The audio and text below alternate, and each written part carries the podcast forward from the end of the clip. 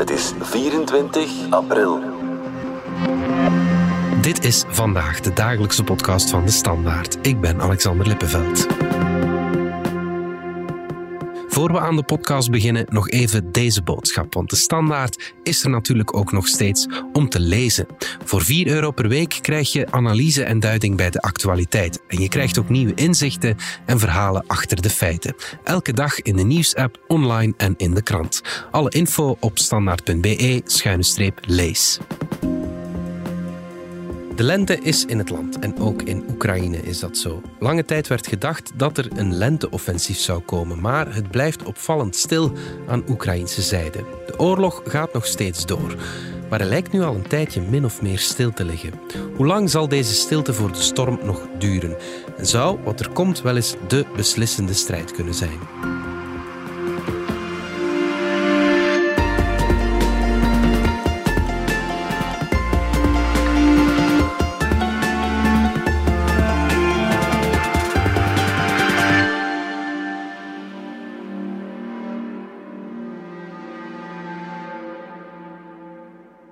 Dominique Minten van onze buitenlandredactie. De oorlog in Oekraïne lijkt al een tijdje min of meer in dezelfde plooi te liggen. Hè? Mag ik dat zeggen? Dat mag je zeggen, ja.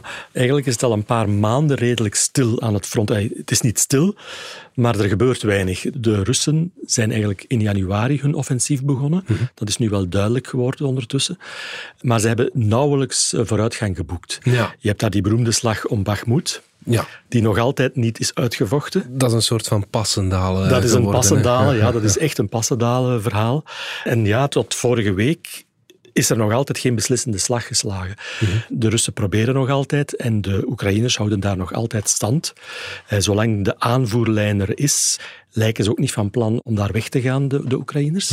Dus hun tactiek is wel duidelijk dat ze de Russen zoveel mogelijk willen uitputten, zoveel mogelijk verliezen toedienen Ja. voor een stad die in essentie geen groot strategisch belang heeft. Ja, het is puur symboliek. Het is eh, er meer symboliek. Ja, Het, is, het is vooral, eh, de Russen hebben een overwinning nodig. Voor het thuisfront, denk ik vooral. En dan moet Bakhmut, eh, de val van Bakhmut zou dan die overwinning kunnen zijn. Ja, en is dat het enige strijdpunt waar de Russen nog zo actief zijn als Ja, daar? zitten ook in een aantal stadjes in de omgeving eh, zijn ze nog altijd aan het vechten. Maar je ziet ook daar dat ze dan een paar troepen weghalen om die dan in te zetten rond Bakhmut. Maar het is vooral in die regio, dus het oosten van Oekraïne, de Donbass-regio, Ja. daar wordt er nog wel, proberen de Russen nog altijd terrein te winnen. Ja. Maar ik zeg het, het, het lukt niet. Het is vastgelopen, dat is duidelijk. En dan is het inderdaad de vraag van wanneer gaan de Oekraïners hun tegenoffensief lanceren? Ja, Want daar wordt inderdaad al heel lang over gespeculeerd. Ja, ja, het werd een, eh, aangekondigd zeg maar, als een lenteoffensief. Eh, de lente is nu al een tijdje Ja, de bezig. lente, hè? inderdaad, de lente is, is bezig. Het heeft een tijdje ook wel te maken gehad met het slechte weer. Hm. Dus het was niet droog genoeg om, om dat lenteoffensief te beginnen. Nu, ik weet niet of dat het belangrijkste reden is, maar het was, wordt, werd gezegd als een van de redenen. Wat we toch ook wel denken te mogen zeggen, is dat de Oekraïners er nog niet helemaal klaar voor zijn. Mhm. Ze zijn extra brigades aan het vormen, aan het opleiden. Men gaat ervan uit dat er twaalf extra brigades worden gevormd. En hoeveel mans? Dat gaat ook tussen, dat hangt er een beetje vanaf. Een brigade wordt tussen de 4.000 en de 5.000 Ah, ja. eh, soldaten. Dus wordt gezegd tussen de 40.000 en de 60.000 soldaten. Ja. En een deel van die brigades worden ook door eh, NAVO-materieel ondersteund, eh, opgeleid ook door, door, door de NAVO-troepen. Mhm. Dus daar is men me wel nog mee bezig. Maar dus een aantal van die brigades zouden klaar zijn. Mhm. En een aantal zouden tegen het eind van deze maand klaar zijn. Dus als, als die, die twaalf brigades klaarstaan, dan zouden ze kunnen beginnen. Ja. Maar ja, ze gaan dat nooit aan de grote klok hangen. Hè. Dus dat moet eigenlijk het verrassingseffect brengen. Ten eerste, wanneer beginnen, beginnen ze eraan? En ten tweede, waar beginnen ze eraan? Ja. En die twee dingen die worden angstvallig geheim gehouden. Logisch ook, daar gaat dus Kiev niet over communiceren. Het enige wat ze communiceren, wat je hoort, is dat ze inderdaad daarmee bezig zijn en dat ze echt wel van plan zijn om, om dat tegenoffensief te lanceren. Ja. De bedoeling is nog altijd dat ze alle Russische troepen die eh, uit het land te drijven, hè, dus al het, al het Van het hele Oekraïnse grondgebied. ja. Dat is nog altijd de officiële, het officiële discours van Kiev. Zijn er theorieën over waar en wanneer dat ze dat gaan inzetten? Of, Nee, eh, dus wanneer? Nee. En waar eigenlijk ook niet. Hmm. Maar er zijn ook geen honderd mogelijkheden hè, waar ze zouden aanvallen. Dus je hebt twee grote opties. Ofwel kiezen ze in de eerste plaats voor de Donbass, het Ja. oosten van Oekraïne, om daar de Russen terug te drijven. Of ze kiezen meer voor de aanvallen in, richting het zuiden. Mhm. Dat is vanuit de Zaporizhia-regio of vanuit de Gerson-regio. Ja. Om dan een soort van... Om die landbrug die de Russen hebben veroverd vanuit, hè, vanuit Rusland naar de Krim, om die in twee te, te snijden. Dan, dan Mykolaiv, nee, Ah, nee, Mariupol. Eh, Me- Melitopol is, Melitopol, ja, Melitopol is dan de, de stad die altijd genoemd wordt, een strategisch gelegen stad met de spoorverbindingen tussen Rusland en de Krim. Dus als ze die in handen nemen, dan snijden ze eigenlijk de Russen af van een vrije doorgang die ze nu hebben richting over land en, en via de trein naar de Krim. ja, het is niet dat ze de Krim gaan aanvallen. Dus, Wel, eh, dat ja. blijft, daar zenden de, de, de Oekraïners tegenstrijdige signalen over uit. Een paar weken geleden, de Financial Times, toch meestal een betrouwbare krant, eh, had een van de topadviseurs van eh, Zelensky gesproken en die had hen letterlijk gezegd van we moeten zien wat we met de Krim gaan doen. Als we echt aan de poorten van de Krim staan, dan moeten we eens kijken of we echt frontaal gaan aanvallen of dat we toch misschien moeten gaan praten met de Russen. Ja. Dus het gaf een beetje aan dat ze, ja, dat ze dan zouden bereid zijn om te gaan onderhandelen. Nu, dagen later werd dat ook weer tegengesproken door andere adviseurs. Dus het geeft wel aan dat de Krim het meest gevoelige punt blijft eh, in dat tegenoffensief dat er gaat komen. Ja, hoe lijken de kaarten op dit moment te liggen? Eh, weten we dat? Ja, dus de, de voorbije weken hadden we het gevoel dat de Oekraïners er redelijk goed voor stonden. Ook omdat de Russen dus eh, door hun manschappen heen zitten, door hun materieel. Voor, hè. Hun offensief is mislukt, of is tot stilstand gekomen. Ja, voilà. En omdat je zag dat er toch wel dat het zware materieel dat het Westen beloofd heeft aan Oekraïne, dat dat eh, stilaan aan het toekomen is in, in Oekraïne. Dus Ja. een paar weken geleden zagen we de eerste Leopard 2-tanks toekomen in, in Oekraïne. Patriot-raketten Eh, ook worden er nu ook geleverd. Eh, dus, dus men is daarmee bezig. Nu, twee weken geleden, ondertussen, is er dat het beroemde lek geweest van de Amerikanen Ja. uit het Pentagon. Eh, Die kleine garnaal die daar eh, een beetje indruk wilde maken op zijn vrienden eh, op de sociale media. Mhm. Uit die documenten bleek dat eigenlijk de Amerikanen toch niet zoveel vertrouwen hebben in dat tegenoffensief van de Oekraïners. Mhm. Ze zeggen, eh, er staat letterlijk in dat ze betwijfelen of de Oekraïners erin zullen slagen de Russen helemaal te verdrijven dit jaar. En Ze wijzen er ook op dat de Oekraïners toch wel door hun luchtafweerraketten zitten. Mhm. Tegen eind mei zouden de voorraden op zijn. Dus dat gaf, dat gaf aan van oei, misschien staan die Oekraïners er toch niet zo goed voor als wij denken. Mhm. Nu, ondertussen je moet die, die lekken ook met een korrel zout nemen. In de zin van het feit dat de Amerikanen twijfelen of dat eh Oekraïners dat tegenoffensief, of ze erin zullen slagen alle Russen te verdrijven, dat is niet nieuw. Mark Milley, de, de stafchef van het Amerikaanse leger, heeft dat in het openbaar letterlijk al maanden geleden gezegd. And in that territory uh, are still remaining a lot of Russian forces in Russian occupied Ukraine. So, from a military standpoint, I still maintain that for this year it would be very, very difficult to militarily eject the Russian forces from all, every inch of Ukrainian occupied or uh, Russian occupied Ukraine. Hij zegt van het zal heel, heel moeilijk zijn voor de Oekraïners om, om alle Russen te verdrijven. Ja. En dus ja, dat wordt nog eens bevestigd in die documenten. Over die voorraden, eh, luchtafweer, eh, die, die miniem zijn. Ook de munitievoorraden die opgeraken. Ook dat is niet helemaal nieuw. De Oekraïners zeggen dat al lang zelf. Van, stuur ons meer Ja, raketten, stuur ja. ons meer wapens. We hebben ze dringend nodig. Dus het staat nu nog eens op papier. Ja. Eh, het is een bevestiging van wat eigenlijk geweten is. Ja, ja, En het kan ook zijn, het is een aansporing, waarschijnlijk nogmaals, voor de bondgenoten, de- de- om, om sneller te gaan leveren. Misschien is het voor Oekraïne ja, ergens geen slechte zaak dat die documenten gelekt Ja, zijn. ja, dus Het, het, het, het maakt nogmaals duidelijk dat het urgent is. Ja, ja, ja. Dat, dat, hè, dat die wapens echt wel nodig zijn, willen ze de, dat tegenoffensief doen slagen. En zal het Westen nog verder gaan in die wapenleveringen? Want we gaan al een pak verder dan we een tijdje geleden dachten. Hè? Ja, ik denk wel dat dat gaat blijven doorgaan. Alle signalen wijzen daarop. Mhm. Deze week hebben ook de Denen en de Nederlanders eh, beslist dat er echt wel 14 Leopard 2-tanks, die moderne Leopard-tanks, Mhm. die gaan nu ook gestuurd worden naar Oekraïne. Dat betekent, als we het rekensommetje maken, dat er toch al een zeventigtal eh, moderne Leopard-tanks daar zijn. Oké, ja. Dus ja. en dat gaat wel blijven doorgaan. Dat Ja. voel je aan alles. Want 70, dat dekt de, la, dekt Dat de is vraag nog niet, nee, nee, nee. Dus Ja. de, de- ze hebben altijd gezegd, eh, de, de Oekraïnse generaals dat ze er een driehonderdtal nodig hebben. ja. Nu, aan dat aantal gaan ze waarschijnlijk niet komen, maar fijn, je voelt wel dat het toch wel richting de 100 gaat en dat begint dan toch wel substantieel te worden. Ja. Die Patriot-systemen zijn beginnen aan te komen. Het is een duidelijk antwoord op die vraag van, van de Oekraïners en op, op wat er uit die papers, die gelekte papers ook bleek, dat die hun luchtafweer aan het opgeraken was. Men probeert daar toch wel op in te spelen. Ja, ja, ja. En gevechtsvliegtuigen, wordt dat dan... Wel, dat is Ja. nogal... Ja, die moderne eh, F-16's, daar wordt al lang over gesproken. Ja, ja. Die zijn er nog niet. Daar is nog, ook nog geen definitieve beslissing over genomen. Mhm. Maar ik sluit niet uit dat dat ook op termijn... Dat ook die richting eh, Oekraïne gaan. Ik denk dat ze die wel zullen nodig hebben als ze dat offensief, dat tegenoffensief, succesvol willen maken. Mhm. Dan denk ik dat dat op termijn ook nodig zal zijn. Ja. En wat wordt dan de Russische reactie met die opgedreven wapenleveringen? De Russen zeggen altijd dat er geen rode lijnen overschreden mogen worden. De vraag is nog altijd, wat zijn die rode lijnen van, van, van Rusland? Je voelt dat de westerse bondgenoten daar steeds minder rekening mee houden.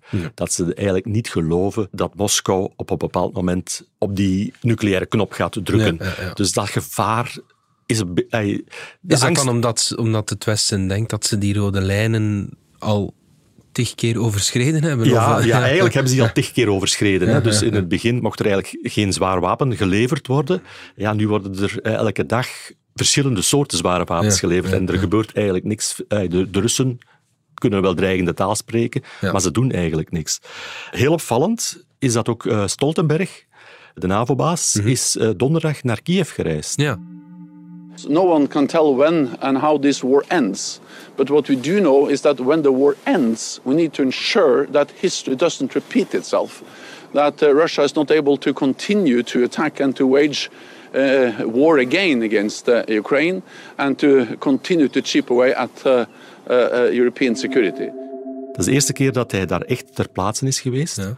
Dat geeft twee dingen aan, denk ik. Ten eerste, het geeft nogmaals aan dat het NAVO-bondgenootschap echt blijft als één man achter Oekraïne staan. En ook dat ze eigenlijk die angst voor Rusland en, en de escalatie die, waarmee Rusland altijd dreigt, dat die eigenlijk met een korrel zout wordt genomen. Dat men daar toch niet meer zo bang voor is. ja, want tot nu toe was het een coalitie van NAVO-landen die zich inzetten. Nu is het... Ja, Is het dan nu de NAVO zelf? Of, Nee, de NAVO zelf zegt nog altijd dat ze Ja. zelf geen wapens levert. Het Ja, zijn de lidstaten apart die wapens leveren. Maar je voelt wel dat dat... Ja, dat, is, dat is een semantische discussie aan het worden. Hè. Ehm, En Stoltenberg in Kiev wil dat zeggen dat Oekraïne zicht heeft op NAVO-lidmaatschap? Wel, ook, dat, ja, ook daar gaat Stoltenberg weer een stapje verder. Het zijn altijd van die kleine stapjes die ze zetten in hun communicatie. I said in Kiev yesterday uh, that uh, Ukraine's uh, future is in the Euro-Atlantic uh, uh, family, and all NATO allies have agreed that uh, Ukraine will become a NATO uh, member. But the main focus now is, of course, on how to ensure that Ukraine uh, prevails. Hij heeft nu gezegd van, ja, dat eigenlijk alle lidstaten het erover eens zijn dat de toekomst van Oekraïne in het NAVO-bondgenootschap ligt. Ja. En dat ze dus eigenlijk op termijn lid gaan worden. Nu, officieel zie ik dat nog niet direct gebeuren. Zolang die oorlog duurt, kan eigenlijk Oekraïne ook geen lid worden van de NAVO, want eh, dat staat ook in het handvest van de NAVO, dat het landen die in oorlog zijn, dat die geen lid kunnen worden. Maar de facto voel je wel dat die weg onomkeerbaar is. Eh, toen hij in Kiev was, heeft hij president Zelensky ook uitgenodigd op de grote NAVO-top van de zomer, die in, in Vilnius plaatsvindt in juli. Dus dat is de jaarlijkse hoogmis van, van de NAVO. Die zal ook weer helemaal gewijd zijn aan die blijvende steun aan, aan Oekraïne.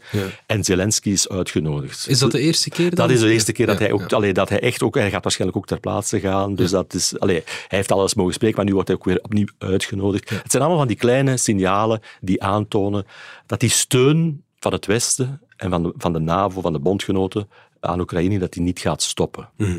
Vrijdag is er ook een, eh, opnieuw die Ramstein-formule is eh, bij, bij elkaar gekomen. Dat is dat bondgenootschap breder dan de NAVO, Ja. onder leiding van de Amerikanen, waarin telkens die militaire steun wordt, wordt eh, daar wordt vergaderd over welk soort militaire steun moeten we geven. vijftigtal landen, zijn een vijftigtal? Ja, landen en dus daar wordt dan een beetje afgesproken wie geeft welke wapens en welke wapens kunnen we nog geven en welke wapens moeten we nog geven.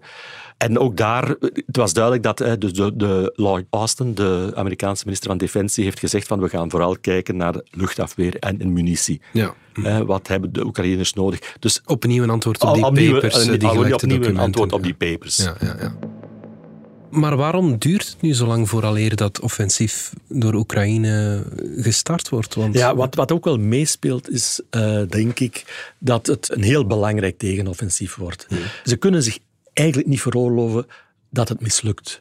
Sommigen zeggen het is nu of nooit. Hè. Dus als dit mislukt, dan krijgen ze geen tweede kans meer. Dat is misschien wat overdreven, mhm.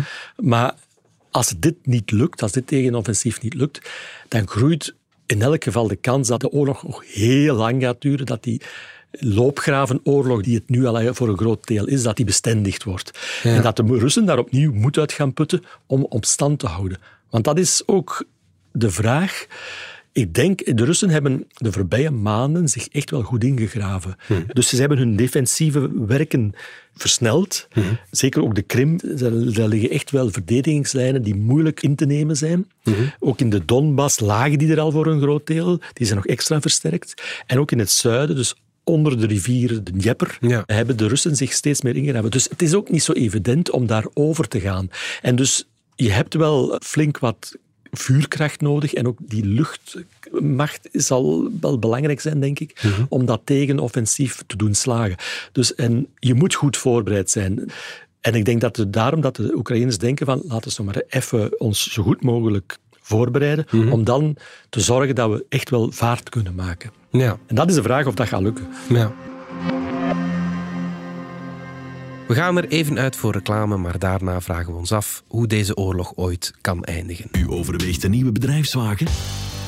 Dan wist u natuurlijk al dat vanaf 1 juli de aftrekbaarheid van plug-in hybride voertuigen jaarlijks daalt. Nu goed, fiscaliteit is uiteraard belangrijk, maar luxe en comfort zijn dat minstens evenzeer. En dat moet u gewoon zelf ervaren. Kom onze plug-in hybride en volledig elektrische Mercedes-Benz modellen testrijden tijdens de Electric Driving Days bij Hedin Automotive. Reserveer nu uw plekje achter het stuur op hedinautomotive.be. Dominique, het is toch wel opvallend hoe de winter eigenlijk de oorlog ja, wat heeft, lam gelegd is nu een groot woord, maar ik herinner me in de herfst was er dat offensief rond Kharkov, waar iedereen van zei, kijk, nu is Oekraïne, nu halen ze echt wel iets belangrijks binnen. Ja, sindsdien dat was ook ligt zo, het stil. Sindsdien ligt het eigenlijk stil, ja. De Russen hebben dan geprobeerd om een verstelling hoger te schakelen. Daarvoor heeft Poetin ook de stafchef die de troepen aanstuurt, die is eigenlijk de hoofdverantwoordelijke voor troepen in Oekraïne vervangen. Mhm. De man die nu aan de leiding staat, heeft ook de opdracht gekregen van Poetin om vaart te maken. Mhm. Dat is generaal Gerasimov, dat is eigenlijk de stafchef van het Russische leger. Mhm. Eh, die heeft dat proberen te doen, maar hij is daar niet in geslaagd. Mm dus daardoor is die oorlog in een soort van padstelling verzand. Wat je ook niet mag onderschatten, denk ik, is dat de Russen, wel lachen dan altijd wel met het Russische leger, maar je hebt toch ook wel militaire analisten die erop wijzen dat de Russen toch ook wel sinds de oorlog begonnen is, en zeker die laatste maanden, toch wel wat lessen getrokken hebben uit de fouten die ze gemaakt hebben. Ja, ja, ja. En dan kom ik opnieuw bij wat ik net zei over die verdedigingslinies die ze hebben opgetrokken.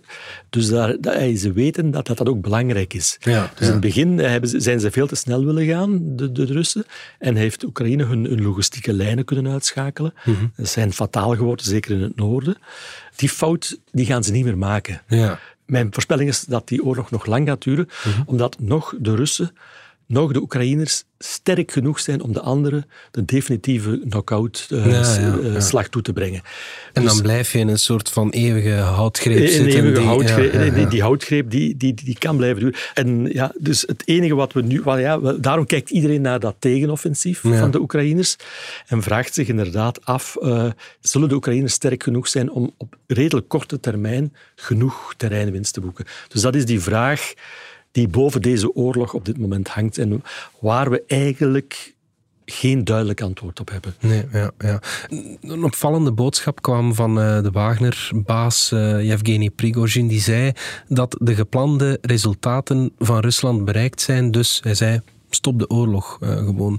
Wat moeten we daarvan uh, van maken? Ik zou daar niet te veel van maken, uh -huh. want Prigozhin zegt zoveel. Ja. Um, wat er misschien kan achter zitten is dat ja, hij, hij insinueerde van ja, wat we bereikt hebben is dat het Oekraïnse leger uitgeput is. Mm -hmm. En dat er uh, een deel van die mannelijke bevolking uitgegroeid is, zei hij zelfs letterlijk. Mm -hmm. En dat een ander deel gevlucht is naar het westen. Dus het grootste Oekraïnse gevaar is geweken.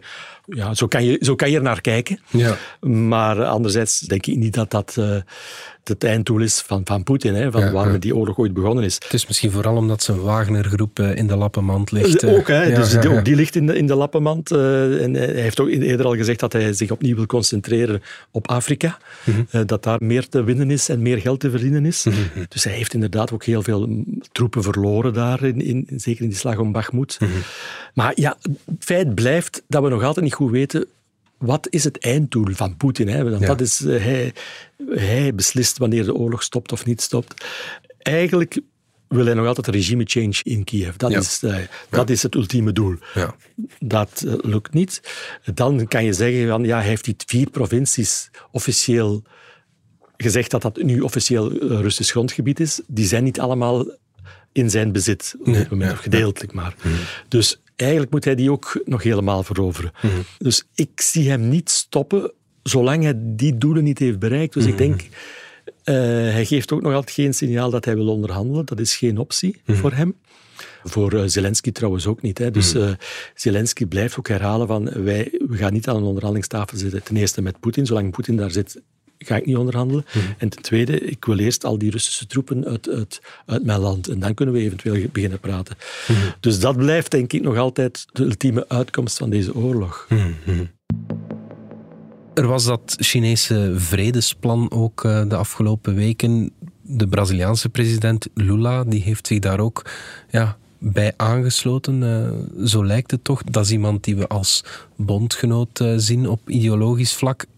Ja, wat moeten we daar eh, uit lezen? Ik zou daar niet te veel uit lezen. Eh, dat, eh, dat Lula zich zou aansluiten bij dat Chinese plan, dat stond een beetje in de sterren geschreven. Eh, Lula heeft ook wel, of Brazilië heeft grote economische belangen om China te vriend te houden en ook om Rusland een beetje te vriend te houden. Ze hebben die eh, bijvoorbeeld kunstmest nodig uit, uit, uit Rusland. En ja, Lula zit ook een beetje in het kamp van de, het anti-imperialistische kamp. Hè. Zo kan je, daarin kan je hem wel, wel zetten. En ja, die anti-imperialisten vinden nog altijd dat, dat die oorlog zo snel mogelijk moet stoppen. En dat daar desnoods eh, de Oek- Oekraïners ook maar water bij de wijn moeten doen. Dus op zich is dat niet zo verbazingwekkend dat hij meer die kant kiest. Anderzijds ook zijn stem weegt ook niet zwaar genoeg in heel dit debat. De, de belangrijkste stem blijft Xi. Ja. En als hij de oorlog niet kan doen stoppen, of de, eh, Poetin niet aan de, echt eh, kan zeggen van stop ermee, dan eh, gaat Lula dat natuurlijk ook helemaal niet kunnen. Het is ook trouwens nog altijd wachten op het gesprek dat eh, Xi zou hebben met eh, Zelensky. Ja. Eh, dus dat, is er, dat had hij ook beloofd, dat is er nog altijd niet gekomen. Dus eh, nee, ik zeg het, die vredesonderhandelingen, ik denk dat we dat nog altijd beetje aan de kant moeten zetten. Want eh, het is geen, op dit moment geen realistisch scenario. Mhm, Oké, goed. Dominique Minten, dankjewel. Graag gedaan. Dit was vandaag de dagelijkse podcast van De Standaard. Bedankt voor het luisteren. Volg ons op Spotify, Apple Podcast of eender welk ander podcastplatform. In onze gratis FDS podcast kan je niet alleen ons werk beluisteren, maar ook de beste podcasttips terugvinden. Alle credits van de podcast die je net hoorde vind je op standaard.be-podcast. Reageren kan via podcast.standaard.be. Morgen zijn we opnieuw.